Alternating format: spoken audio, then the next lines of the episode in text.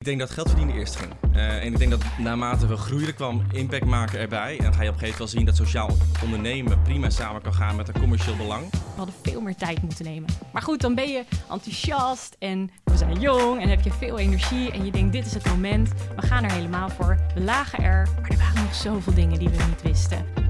Mijn naam is Paul van Diemt en je luistert naar de vijfde aflevering van de KVK-podcast. De podcast waarin we leren van topondernemers. Met vandaag Valerie Bos van het bedrijf Knakwortel. Het jonge bedrijf wist binnen te komen bij supermarktketen Albert Heijn, maar moet nu toch op eigen houtje verder. Hoe dat zit en hoe ze vooral verder willen gaan, dat hoor je straks. En op een innovatieve manier papierverspilling tegengaan. Bamboek laat zien dat het kan. Straks het verhaal van medeoprichter Richard Aangeenbrug. Maar eerst introduceer ik natuurlijk graag mijn co-host van deze aflevering. En dat is serial social entrepreneur Willemijn Verloop. Willemijn, welkom. Dank blijft klinken als een serial moordenaar. Dat ben je juist niet, hè? Dat ben je totaal niet. Social entrepreneur. We kennen jou van Wordchild, hè? ver in de vorige eeuw. Maar dat is nog steeds natuurlijk een grote naam. En goed dat je dat gedaan hebt. Stichting voor Hulp aan uh, Kinderen in Oorlogsgebieden. Uh, in 25 jaar vorige week. 25, moet je kijken. Gefeliciteerd ja, ook, dank. hè? Jubileum. Nou, ook heel mooi. En in 2012, ook weer een tijdje geleden, start je een platform voor sociale ondernemen. Komen we nog over te spreken. En je richt een investeringsfonds op, speciaal dan voor die ondernemingen. Maar even terug naar, uh, naar ver voor corona. Uh, hoe bezocht je toen al die uh, gebieden en de projecten waar Wordchild actief was? Ja, ik zou eigenlijk vorige maand, omdat we 25 jaar bestonden, zou ik teruggaan naar Kosovo, een van onze eerste projecten. Oh. Ik vond het heel erg jammer dat dat niet doorging. Ja. Uh, teruggaan om op bezoek te gaan bij kinderen die ik daar toen ontmoet heb en, en kijken hoe het nu gaat. Gelukkig heeft het, uh, het uh, AD een paar van die kinderen geïnterviewd die nu dertigers zijn. Die dan praten over hun, hoe hun leven er nu uitziet. Zoveel jaar nadat wij daar die interventie deden. En dat vond ik wel heel emotioneel. Om te, te horen hoe goed het nu met ze gaat en wat het voor ze gebracht heeft toen. Maar sta je nu volledig op een afstand of ben je nee, toch af en toe nog bij Ik ben nog steeds toezichthouder. Ik ben vicevoorzitter van de Raad van Toezicht. Dus ik ben, uh, dat doe ik ook alweer ruim tien jaar. En dus dan uh, kijk je mee en, en, en, bescherm je de missie als toezichthouder. En, uh, en ga ik ook ze nu dan nog op reis. Maar recentelijk natuurlijk niet door al die coronagekte. Maar het is, het is ook logisch hè, als je dit verhaal vertelt. Dat, dat de overstap is niet gek. Het is zelfs logisch naar social impact. Ondernemingen die aan social impact doen. En dat je daar ook in investeert. Kun je iets vertellen over de oprichting? Dat is een 2012 geweest. In 2012, ja, ik geloof dat ik in 11 Social Enterprise NL, het Nederlandse platform voor sociale ondernemingen, en in, in 13 of 14 dit fonds. Um, maar ja, voor mij was het een logische overstap. Uh, in die zin dat het gaat nog steeds over impact. Alleen ik wilde heel graag uit de goede doelenwereld naar meer ondernemende oplossingen. Met name omdat ondernemende oplossingen uh, zelfredzaam zijn. En als ze succesvol zijn, uh, schaalbaar zijn tot in de hemel. En je dan ook een serieuze aanpak en, en mogelijke systemische oplossing kan creëren. Maar hoe kun, je, hoe kun je ze helpen? Nou, op heel veel manieren. Dus het, uh, ik doe het nu met name als investeerder. Dat is mijn belangrijkste rol inmiddels. Maar met Social Enterprise NL hebben we een, een landelijk platform gestart... waarin we eigenlijk proberen alle barrières... waar de ondernemers tegen elkaar tegenaan lopen weg te nemen. Dus dan gaat het van niet alleen toegang tot financiering... maar ook toegang tot markten, toegang tot overheden... toegang tot talent, toegang tot onderzoek en onderwijs... toegang tot allerlei elementen die je helpen om je onderneming te versterken. Maar ook allerlei workshops over uh, impact meten. Hoe doe je dat? Over pure dingen als sales en, en strategy en weet ik wat. Gewoon op een hele pragmatische manier ondernemers met een maatschappelijke missie helpen groot worden. De aanwas van onderop, we hebben dat gemeten ook met uh, McKinsey. Die hebben dat gratis voor ons gedaan toen we oprichten. En uh, een paar jaar geleden weer. En toen zag je de Nederlandse markt met ondernemers met een impactmissie met 80% was gegroeid van onderop. En dat is dan een jonge aanwas. En dan hebben we het nog niet over de ondernemingen die eigenlijk uh, besluiten hun missie te veranderen en veel meer uh, impact gedreven te worden, want die zijn er ook. En dan heb je dus een hele mooie naam bedacht ook voor je onderneming. En toch heb je besloten de naam te veranderen. ja, je zou bijna zeggen dat moet je nooit meer doen, maar toch vond je het heel, heel noodzakelijk. Ja, wij heten Social Impact Ventures. Dit gaat dus om ondernemingen die, die sociale impact maken. En dat gaat over impact op mensen en planeet. Maar social impact is, een, is gelukkig een categorie geworden de afgelopen vijf jaar. Dus, dus en ieder die met social impact bezig is, benoemt dat ook. En met een categorienaam kun je jezelf niet meer onderscheiden. Dus toen hebben we toch besloten, nu we ons tweede fonds ophaalden, hebben we net vorige week bekendgemaakt dat we 55 miljoen nieuw kapitaal hebben opgehaald. En dat we daar een nieuwe naam hebben gekoppeld. We heten nu Rubio Impact Ventures. En Rubio. Rubio. En Rubio komt eigenlijk vanuit de analogie van Crossing the Rubicon. Van we gaan op naar een een, een, een point of no return. Dus we helpen ondernemers die, die stap te maken in het veranderen van ketens naar een point of no return. Want dat is uiteindelijk waar we op uit zijn. Het maar dat komt, goed uit in, dat komt goed uit in deze tijd ook. Hè? Ja, dat is heel belangrijk. Niet alleen in deze tijd, maar het vind ik al, dat hadden we al veel eerder met z'n allen hadden op dat punt moeten staan. Maar hoe sneller we er komen, hoe beter. Nou ja, omdat het voor veel uh, mensen, veel bedrijven die hier helemaal niet mee bezig waren, opeens ook de ogen heeft geopend wat hier nu gebeurt. Die, die nooit reflectief waren, ik zeg het even expres heel scherp, en dat nu wel worden, die denken langzaam ook in deze richting. In jullie voordeel ook, denk je? Ik hoop het. Ik, um, ik hoop dat het niet paniek is die de, de huidige situatie creëert. Ik hoop dat mensen realiseren dat andere waarden belangrijker zijn. Dat als kunnen we zo, nog zo'n rijk land zijn, nog veel aandeelhouderswaarde, dat je daar het welzijn van mensen niet mee vergroot. Dus dat je bedrijven moet gaan bouwen die gericht zijn op welzijn, op inclusiviteit, op onze samenleving. En, en ik denk wel dat dit soort situaties waar we nu in zitten, dat besef zeker doet inzinken. Uh, en of dat meteen leidt tot de, de, de, zeg maar het vervolg wat ik graag wil zien, namelijk heel veel meer bedrijven die zich daar veel serieuzer mee bezig gaan houden, dat zal nog moeten blijken. Voorlopig hebben ook heel veel bedrijven het heel moeilijk nu om überhaupt hun hoofd boven water te houden. Nou ja, en hoe ze dat moeten doen en hoe bedrijven het beter kunnen gaan doen, hoe ze de hand, uh, hoe ze inderdaad gewoon het hoofd boven water kunnen houden, daar weet je alles van. Je kunt ondernemers lessen geven. Hey, je bent vandaag mijn co-host, je gaat me af en toe gewoon rukzichtloos onderbreken. Als je vindt dat het nodig is, het mag. Zou je af en toe ook aankijken. Doe wat je wil. En in ieder geval ook, uh, en, en ons, mij ook scherp houden op de ondernemerslessen die we vandaag uh, kunnen leren. En tijd voor onze eerste gast. En dat is uh, Valerie Bos van Knakwortel. In 2018 won het bedrijf de AH's Product Pitch. Waarna het in de schappen van Albert Heijn belandde. En inmiddels staat het bedrijf helemaal op eigen benen. Moet het zelf de weg naar de consument zien te vinden. Welkom Valerie. Dankjewel. Nou, je hoort het, uh, scherp meegeluisterd ook, uh, wordt hier door Willemijn. Dat is ook heel prettig. Ook denk ik voor jou, voor ons allemaal, om hier goed van te leren. Wat zijn de echte lessen voor ondernemers? Als we praten over knakwortel, heb je het over gemarineerde wortels die eruit zien als knakworsten, maar dan als gezonder alternatief natuurlijk. Hoe, hoe ben je erop gekomen? Nou, dat is wel een leuk verhaal. Ik heb eigenlijk mijn hele leven al een, uh, een moeilijke relatie met eten. Ik lustte niet zo heel erg veel als kind. En uh, Koen, uh, destijds mijn vriend, die dacht: ja, wat moet ik mijn vriendin in godsnaam te eten geven? Ze eet niks, ze lust niks. Wat nou als ik groenten ga verpakken, vermommen, marineren? En wortels waren absoluut niet mijn ding. Toen kwam hij met het idee om ze dus te marineren en ze op een hotdogbroodje te leggen. En uh, nou, dat was echt zo ontzettend lekker. Ik was echt verbaasd. Ik zeg, dit is briljant, hier moeten we iets mee. Nou, we waren allebei al ondernemer. En uh, ja, ik was echt een vegetariër die geen groenten lustte. Um, was echt heel lastig. En hij kwam opeens met de oplossing. En toen dacht ik, ja, ik ben echt niet de enige die... Het is zijn idee, dus alle eer voor hem. En als ik goed heb geluisterd, je ex-vriend? Ja, ook. Ja. Maar ook na onze relatie, nu nog steeds, hebben we echt een waanzinnige vriendschap daaraan overgehouden. En dus een bedrijf. Dus elke als jullie elkaar zien ook uh, knakwortels eten? Uh, nee, dat doen we inmiddels wel minder hoor. Nee. heb jij wel eens een knakwortel, Willemijn? Ooit, ja, nee, ik schaam me. Ik, toen nee? Ik wist dat je hier zou komen, dacht ik, ik moet die knakwortel nog even ja. eten. Maar ik kon er toch op de korte termijn niet meer aan komen. Nee, dus nee. ik heb hem nog niet geproefd. En ik, heb ook, ik ben hem niet tegengekomen in de winkel. Nee, op dit moment ligt hij ook niet in een supermarkt. Alleen bij, uh, bij eigenlijk alle groothandels in Nederland wel. Maar goed, daar kom je natuurlijk niet dagelijks. En uh, ja, heel veel restaurants die hebben een beperkte kaart op dit moment. En ja. minder ja, snacks eigenlijk. Uh, dus de knakwortel is ja, op dit moment... ja, het is lastig. Maar ja, met, met Albert Heijn heb je dan wel een appeltje te schillen. Of de Belgen die zeggen, dat hoorde ik dit weekend, een mooie uitdrukking, een, een eitje te pellen. Ik snap het wel, het verhaal van dat je niet van groente houdt en zo. Dat dat, dat, dat een goed idee, een ja. goed idee. En dan moet je er volgens een product van maken. En alle ondernemers weten hoe lastig dat is. Hoe heb je dat gedaan? Nou, uh, we begonnen eigenlijk met het gelijk testen van het idee. We dachten, we kunnen wel heel groot onderzoek gaan doen en plannen schrijven, maar daar zijn wij niet zo van. We dachten, we gaan gewoon meteen testen bij onze doelgroep of het wat is. Dus we werden uitgenodigd op een festival om 1500 broodjes te verkopen.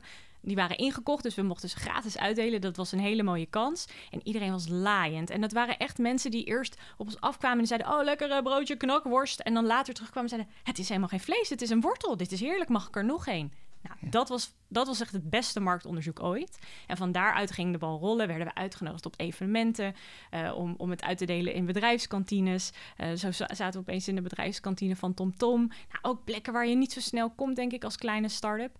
En uh, ja, daarna gingen we inderdaad naar de supermarkt. En toen ging het echt los. Ja, daar ging het om. En je wilde per se met een grote supermarkt. Ja. Echt met een grote of wilde je per se Albert Heijn? Nou, uh, Albert, Heijn, Albert Heijn benaderde ons of we mee wilden doen aan de wedstrijd. En in eerste instantie waren we een beetje terughoudend, omdat we het eerste product eigenlijk in heel Nederland zijn die het op deze manier doen. En als je de eerste bent in iets, dan weet je, dit wordt een hele zware wedstrijd. Want de consument ja. is er nog niet klaar voor. Ze kennen het nog niet. Het is een totaal nieuwe categorie. Er is ook geen plek in de supermarkt voor een product als deze.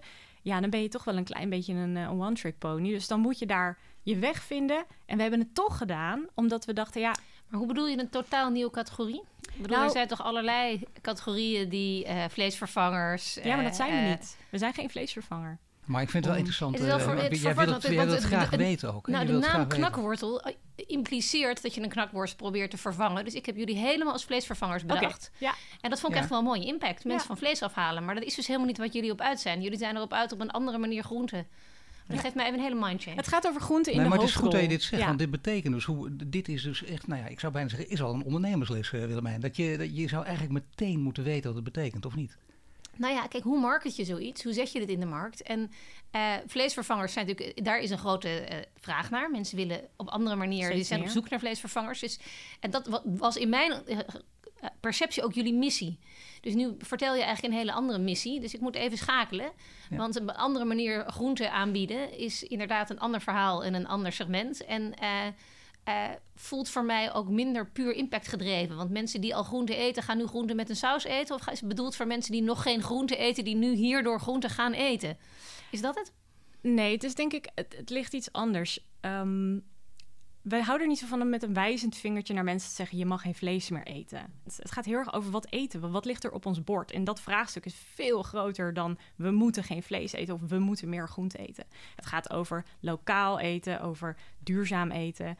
We begonnen ook heel erg met hoe maken we nou die voedselproblemen behapbaar. Want Koen en ik zijn allebei ontzettend duurzaam gedreven ondernemers, richten ook meerdere duurzame bedrijven op. Dus daar zijn we de hele dag mee bezig. Dus het was veel meer om mensen, nou ja, inzicht te geven in wat eet je nou eigenlijk? En hoe kun je dat nou lekkerder maken en makkelijker voor nou ja, mensen zoals ik die niet zo creatief waren in de keuken. En het lukte jullie uiteindelijk om die AH product pitch te Ja. winnen.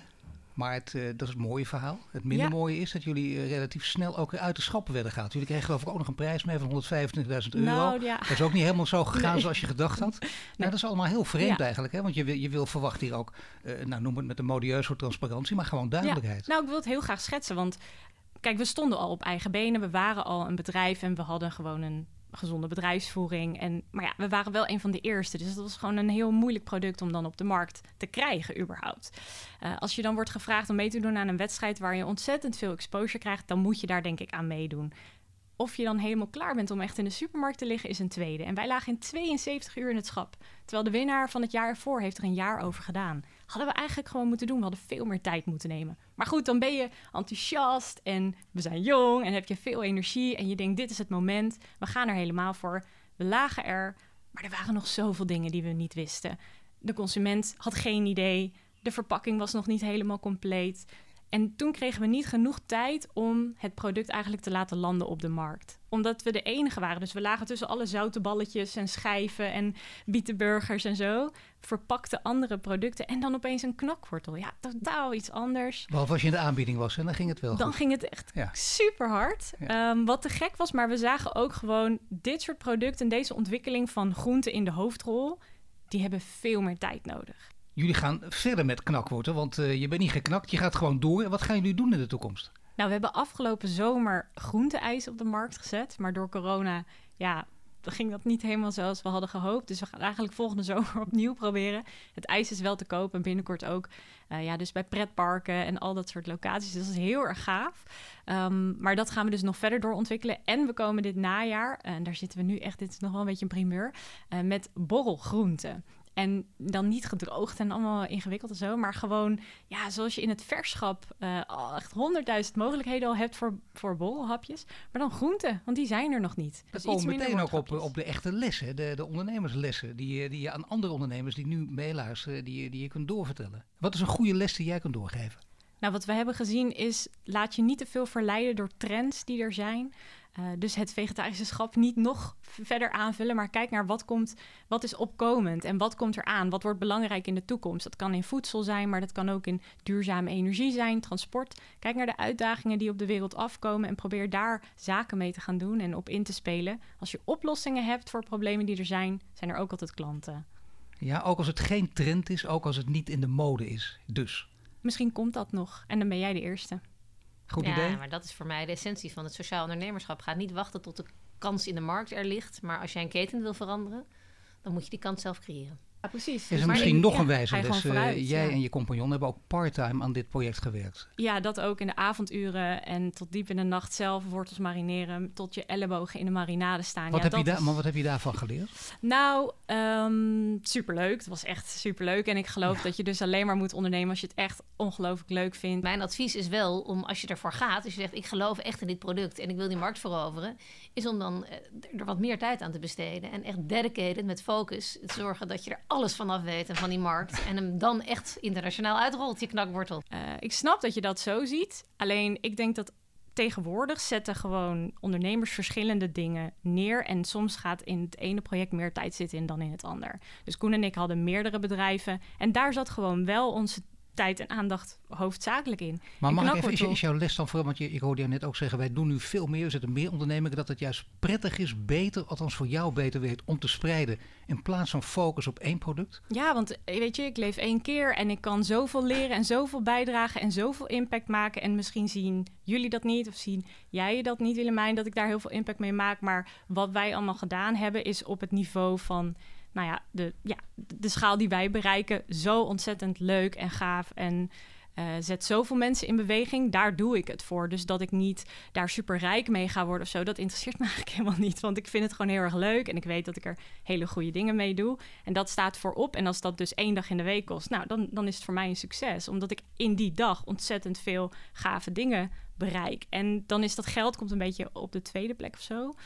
Ehm, ik heb dus ook de financiële vrijheid om meerdere bedrijven te runnen en dus overal mijn geld mee te verdienen. En dat is, dat is toch fantastisch als je dat kunt doen. Als je meerdere dingen kunt doen waar je dus voor jezelf succes mee behaalt. En of dat nou parttime is of fulltime. Ja, wie bepaalt wat dan parttime is? Als 80 uur voor mij dat bepaal jij zelf. Is, en ik dank dan- je, ja. dank je voor, dit, eh, voor dit verhaal. Valerie Bos van Knakwortel, succes, dankjewel. Dank je.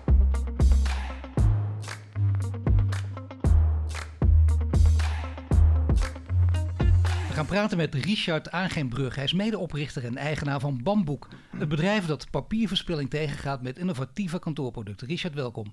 Dankjewel. Je doet alles keurig. We praten in coronatijd een klein kuchje en zo meteen aan de binnenkant en zo. ja, Ik zie het heel getraind daarin.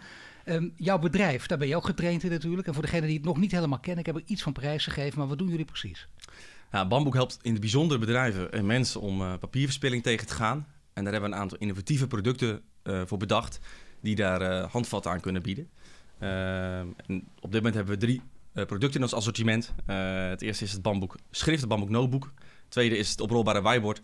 En het derde zijn onze uitwisbare geeltjes die je tegen ramen en tegen deuren kunt plakken. Ja, je bent ermee begonnen omdat je vindt dat we veel te veel papier verspillen. Ja, ja eh, als je kijkt naar wat we in Nederland verspillen. Ik eh, werd van tevoren even gebriefd. eh, dan zie je dat we in Nederland eh, 80 kilo per persoon aan papier verspillen. 80 kilo per persoon. 80 kilo per persoon. Los van de krant of... eh, Nee, eh, dat is ook een leuke. 55% zijn kranten en tijdschriften en ook je notebooks. En 45% vind ik minstens zo'n schrikbarend getal. Dat zijn de verpakkingen van de dingen die we bestellen. Dus het gaat Ja, over je, je dozen. verpakking, ja. Ja, Rampzalig. dat is gigantisch. Ja, nou dat is behoorlijk veel. Ja, daar is echt een wereld te winnen eigenlijk. Hè? De Ja. wereld van de verpakkingen met name. Ja, daar is echt een wereld te En winnen. de Ja, bij kranten moeten wel. voortdurend, wat jou betreft, de kranten ook meteen digitaal. Alleen maar digitaal worden. Nou, ik, kijk, het is natuurlijk wel prettig om soms even iets in je handen te hebben. Dat heb ik zelf ook wel. En Maar de waar je- hoofdredacteur van kranten noemen dat nog steeds eh, het luxe gevoel hè? van, de, van de- Ja, de grote nou, krant met, in je handen. Met lezen denk ik ook wel. Eh, maar de kunst is denk ik om waar je kunt, eh, verspilling kunt stoppen, moet je doen. En een aantal makkelijke innovatieve slaggen kun je volgens mij slaan. Eh, en met een aantal zijn we begonnen. Je hebt er net een paar genoemd. Hè? Het gaat altijd om van idee naar product, hoe je dat doet. Want het begint met enorm enthousiasme, met een clubje bij elkaar zitten. Ja. Maar er is altijd iemand die nog zegt, oh wacht eventjes, daar kunnen we geld mee gaan verdienen. Ja, of wij kunnen daar impact mee maken. ja, ja, ja, ja, allebei. Dat gaat denk ik wel Tuurlijk, samen. Ja. Ehm, Wat ging er bij jullie trouwens eerst, eh, als ik eerlijk mag weten? Eh, ik denk dat geld verdienen eerst ging. Eh, en ik denk dat naarmate we groeiden kwam impact maken erbij. En dan ga je op een gegeven moment wel zien dat sociaal ondernemen prima samen kan gaan met een commercieel belang. Dat is trouwens wel een spanningsveld, maar daartussen de balans zoeken is denk ik wel leuk. Ehm, en dat is ons aardig gelukt. En ik denk als je kijkt naar de samenstelling van toen we begonnen. We, zijn, we waren en zijn met z'n eh, we zijn met z'n vieren begonnen. We zijn nu met een iets groter team. We hebben een vrij, eh, we zijn vrij verschillend van elkaar alle vier. Nou, ik noem mezelf toevallig wel eens de mond van bamboek. Dus daarom zit ik hier. Maar ik ben niet de meest creatieve. Nou, zo hebben we alle vier onze, onze talenten. Ja, doen waar je goed in bent. En dat geldt overigens ook voor bamboek zelf. Dus proberen dat we onze, onze scope goed houden. Dus daarom richten we ons nu in bijzonder op papierverspilling. Want er zijn natuurlijk veel meer verspillingen die je aan kunt pakken. ook hier zit je met eh, de maakkosten, je zit met de impact op het milieu. En als je dus drie keer je pagina wist, win je hem ten opzichte van een uh, normaal blaadje, zou je kunnen zeggen. En alles daarboven is dus je winst. Dan ben je hem in footprint, heb je het dan over, zeg maar. Ja, in... ja in footprint, ja, exact. Ja. Ja. Nou richten jullie je niet alleen op, op kantoren, dat zou je dan verwachten eigenlijk in eerste instantie. Of tenminste, of op consumenten, één van de twee. Omdat je denkt, ik, ik wil ook daar gaan focussen, dat is duidelijk en helder. En dan weten we welke markt ook we moeten bedienen. Ja. Jullie doen beide, kantoren en consumenten. Ja, dat is eigenlijk wel heel grappig hoe dat gaat. Want we in eerste instantie richten we ons eigenlijk iets meer op de consument. Daar zijn we van ouds mee begonnen. Maar het leuke is, en dat is tot nu toe nog steeds continu hoe het gaat. Je ziet dat de verandering bij personen begint. Dus mensen kopen het voor zichzelf. En dat leidt vervolgens tot onze B2B-klant. Eh, Als wij kijken naar onze verkoopcijfers, dan tot corona uit mijn hoofd was een derde van wat, nee, een vierde van wat we verkochten ging naar de B2C-consument. Uh, en dat leidde vervolgens tot die B2B-verkopen. Dus de B2C-consument trekt de B2B-klant binnen. Dus we zien steeds meer de waarde van het aantrekken van de B2C-klanten om je B2B-klant te, te krijgen, zeg maar. En maar dat geldt voor de notebook. Want ik kan me voorstellen voor het oprolbare, uh, um, hoe heet het ding? Whiteboard. Ja. Dat lijkt me echt een B2B-product. Ja, een exact. briljant product. Want ik word gek van die whiteboards die overal toe moet slepen. en uh, dat zijn ja, onmogelijke dingen. Dat je zo ik had hem nog nooit gezien. Ik wil hem meteen hebben. Dat je hem zo uitrolt. En dat, hij plakt ook nog, toch? Ja, exact. Ja. Tegen het, en dat ja. wist je sowieso altijd uit. Kijk, dat notebook, ik ben dan nog zo'n ouderwetse sul die graag zijn aantekeningen wil bewaren. Ja. Dus uh, die wil dan niet meteen ja. wissen, want ik denk, ik heb het nodig en ik onthoud het niet. En, uh, maar die, die whiteboards, ik vind het echt briljant. Nou ja, daar sta je wel een leuk punt aan, want het is wel de kunst nu om vanuit het product wat we nu hadden, uh, de, de, nieuwe producten, die, die vragen eigenlijk om een iets andere propositie. En daar zitten we wel mee te stoeien. Van hoe zorg je ervoor dat ze beide de juiste en de goede aandacht krijgen? En dat is toevallig nu een, een vraagstuk waar we mee bezig zijn, omdat we met meer, eigenlijk meer B2B-oplossingen bezig zijn. Uh, nog steeds zien we wel dat er genoeg mensen zijn die hem wel voor zichzelf gebruiken. Want wat is je ambitie? Waar wil je naartoe groeien en naar wel, in welke markt richt je je dan op? Uh, aangezien een beetje tweeledig. Als ik kijk naar het bamboek schrift waar we mee begonnen zijn, die proberen we echt internationaal nu uh, groter te maken. En daar hebben we wel echt een, nou, echt een strategie voor bedacht. Dus we proberen in uh, Duitsland en België werken we nu met agenten. En samen met een consumentenverkoop. Dus we richten ons op Amazon en op, uh, op de platforms die ze daar gebruiken. Zodat daar vervolgens de B2B-klant warm wordt. Um, en omdat we zelf de taal niet zo heel machtig zijn en de cultuur niet zo gewoon zijn, zien we dat uiteindelijk die agenten daar het verschil kunnen maken. Um, dat is eigenlijk onze strategie voor de Bamboek Notebook. En als ik kijk naar de nieuwe producten, dat zijn eigenlijk meer producten die we echt nog in de markt moeten gaan zetten. Dus daar zijn we nu echt een strategie voor aan het bedenken van nou, hoe zorg je ervoor dat we ons binnen de bestaande partijen gaan wringen. Ik heb tot nu toe het idee, als je, als je over ondernemerslessen nadenkt, Willemijn, dat jij denkt, nou, zoals Richard het aanpakt, dit is de methode ook, zo moet je doen. Nou ja, ik, ik vraag me dus af, ga je naar een, een, een, al met één product internationaal gaan? Dat vind ik wel verrassend. Want ik kan me voorstellen dat je toch eerst een bredere productbasis wil maken uh, voor je die internationale jump maakt. Dus eigenlijk zeg je die ene product, daar ga ik proberen al een internationaal bedrijf. En ondertussen ben ik in Nederland met productontwikkeling van andere producten bezig die misschien ook voor een andere markt bedoeld zijn. Ja. Dus dat vind ik nog wel spannend. Dat je verschillende markten en, en dan ook al in verschillende geografieën tegelijk. Ja. Um, dus, dus, maar misschien ben je al zo succesvol in Nederland dat je dat allemaal kan veroorloven. Dus daar heb ik helemaal geen beeld van. Maar ik, ik kan me voorstellen dat de strategie in, in welke productrange uh, en, en, en welke ingangen internationaal. Ook als je nou in Duitsland binnenkomt, wil je dan niet ook meteen dat je andere producten daar ja, ja. Uh, bij dezelfde. Uh, ja, ik, het is wel, wat zeg jij als mond van bamboek? Zeg je dat? nou, als, mond, ja, als, als mond van bamboek is dit ja. eigenlijk onze gedachte voor, voor onze gedachte spinsen voor inmiddels al twee jaar, zeg maar. Um, inmiddels verkopen we bamboek in Nederland al vijf, zes jaar.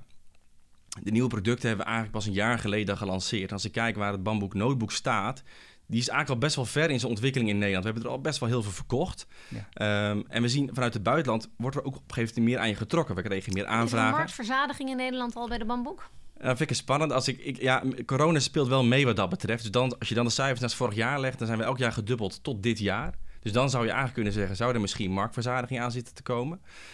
Stiekem denk ik ook dat corona meespeelt. Maar ik geloof wel, op een gegeven moment is voor de Bamboek Notebook... Ja. ga je richting die verzadigingsfase. En we zien gewoon dat er vanuit, nou, met name Duitsland en België... gewoon heel veel aanvragen komen. Maar goed, je, je punt is wel terecht. We zitten er dus over na te denken om echt voor het Bamboek Notebook... bijna een speciale tak op te zetten. Om die internationaal te gaan uitzetten. Um, en dat we met onze ja. andere producten echt meer offer supplies aan gaan bieden.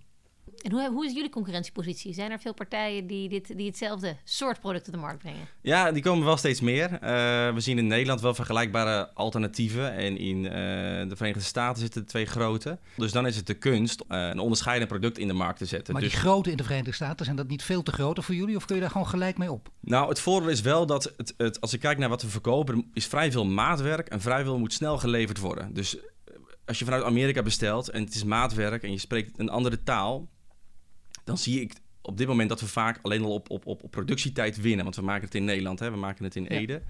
Uh, dus wat dat betreft, we kunnen in drie, vier werkdagen al best wel grote zakelijke orders leveren. Dus daar steken we heel erg op in.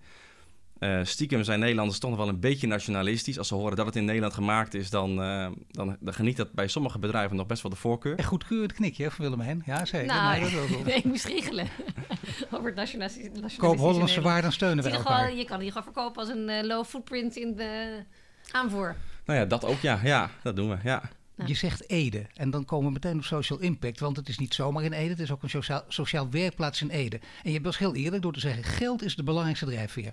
En dat sociale impact, eh, dat kwam erbij, dat was een tweede. Maar die wordt dus nu belangrijk, want jullie laten het in Nederland maken. Je hebt net gezegd hoe belangrijk dat weer is, ook voor de verkoop. Maar waarom in een sociale werkplaats? Nou ja, wat je, wat je zegt is waar. Geld is van oudsher, denk ik, als ik kijk waar we begonnen, dan wil je in eerste instantie wil je gewoon een bedrijf in de markt zetten die gewoon financieel zichzelf overeind kan houden. En daarna, daarna denk ik, als ik naar mezelf kijk en ook naar mijn collega's, is dat, heeft dat impact meer gaan spelen. En eigenlijk die sociale werkplaats is een beetje op ons pad gekomen. We hadden een aantal alternatieven waar- waaruit we konden kiezen. Maar eigenlijk het verhaal van de werkplaats sprak ons aan. Het was commercieel interessant. Maar ook als ik kijk naar het verschil wat we daar maken eh, bij mensen met een afstand op de arbeidsmarkt. Ja, ik vind dat persoonlijk gewoon mooi om te zien, A, waar het vandaan komt... en B, dat je direct die werkgelegenheid creëert. Ja, ik vind het interessant om te horen hoe dat gegaan is, hè, de volgorde. Wat vind je daarvan, Willem? En zie je dat heel vaak? Dat je begint met een idee en je, je ziet daar zit handel in, daar kan ik veel mee gaan verdienen. En vervolgens eh, kun je er ook sociale impact mee hebben. Nou, kijk, hun missie is niet om mensen met afstand op de arbeidsmarkt aan het werk te helpen. Hun missie is uiteindelijk om te zorgen dat we minder papier gebruiken, dat we meer bomen sparen. Dat we dus, dus, en als je daar dan aan toevoegt op een gegeven moment in het, in het proces, omdat het ook commercieel aantrekkelijk is, omdat Ja. sociale werkplaatsen natuurlijk heel erg kostencompetitief kunnen produceren.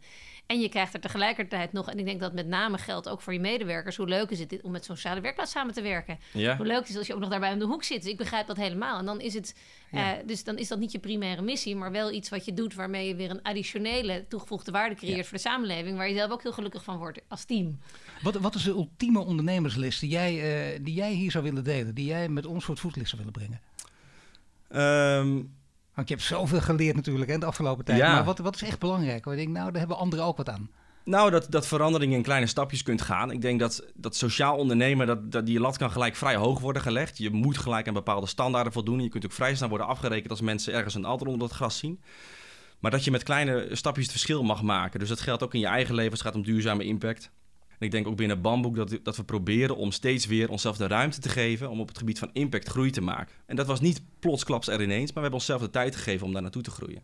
En, Ja. we, en we zijn nog maar op, aan Kleine het begin. stapjes dus. Hè? Dus niks exponentiële groei. Je zegt het is zomaar het begin, maar wel allemaal kleine stapjes. Ja, ik denk dat bamboek wel hard groeit. Ehm, Ja. maar, maar, maar als het gaat om impact maken, denk ik dat we gekozen hebben om, om, om eh, met kleine stapjes te groeien.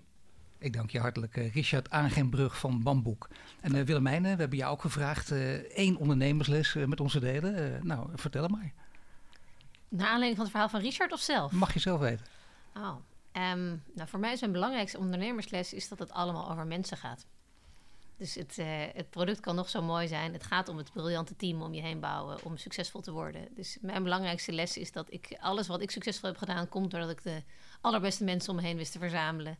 Die, eh, met wie ik kon bouwen. En, eh, Ja, de allerbeste mensen of de mensen waarmee je de beste sfeer kunt creëren? Nou, de beste die, mensen die het meest complementair op elkaar zijn, die, die aligned zijn, die dezelfde eh, eh, richting op willen. En natuurlijk, op het moment dat je een, een, het zelf, diezelfde missie met elkaar wil bereiken, helpt dat ook voor de sfeer en de cultuur van je onderneming. Die bouw je dan met elkaar heel sterk op. Maar de essentie zit hem in dat een product of marketing of alles kan heel goed zijn. Maar de, de essentie daaronder is dat je een succesvol team moet hebben. En dat vond ik mooi. Dat straalde jij wel uit over je team. We hebben het er niet heel uitgebreid Ja. over gehad, maar je straalde uit over jullie Ja. complementariteit. En dat sprak mij aan, want het is voor mij een heel belangrijk basisbouwblok voor iedere onderneming. Is een, een goed En ze kennen elkaars team. kracht ook, hè? dat is heel duidelijk, Ja. hè? opvallend. Ja, Leuk om te mooi. horen, dankjewel. Ja, en wat ik ook mooi vind, als ik nog even mag, uh, is dat het, het, idee dat je dus altijd moet beginnen met impact. Ik bedoel, je zegt eigenlijk heel eerlijk, nee, we begonnen met een commerciële kans die we zagen. En we hebben later gezien dat we er impact mee konden maken en maken daar nu onze keuzes op. En ik vind dat ook heel mooi, want dat, dat is weer een andere manier. Dus er zijn genoeg ondernemers die al onderweg zijn. En dan weer van jullie kunnen leren hoe je ook als je al onderweg bent met een commercieel briljant idee, daar impact op kan maken. Dus dank daarvoor. Dankjewel. En jij dank uh, Willemijn Verloop. De afgelopen weken sprak KVK met zo'n 70.000 ondernemers uit verschillende branches om nog beter te weten wat er allemaal speelt. Heb je daarom een ondernemersvraag? Bezoek dan de website van KVK via kvk.nl. Voor nu dank voor het luisteren en tot de volgende aflevering.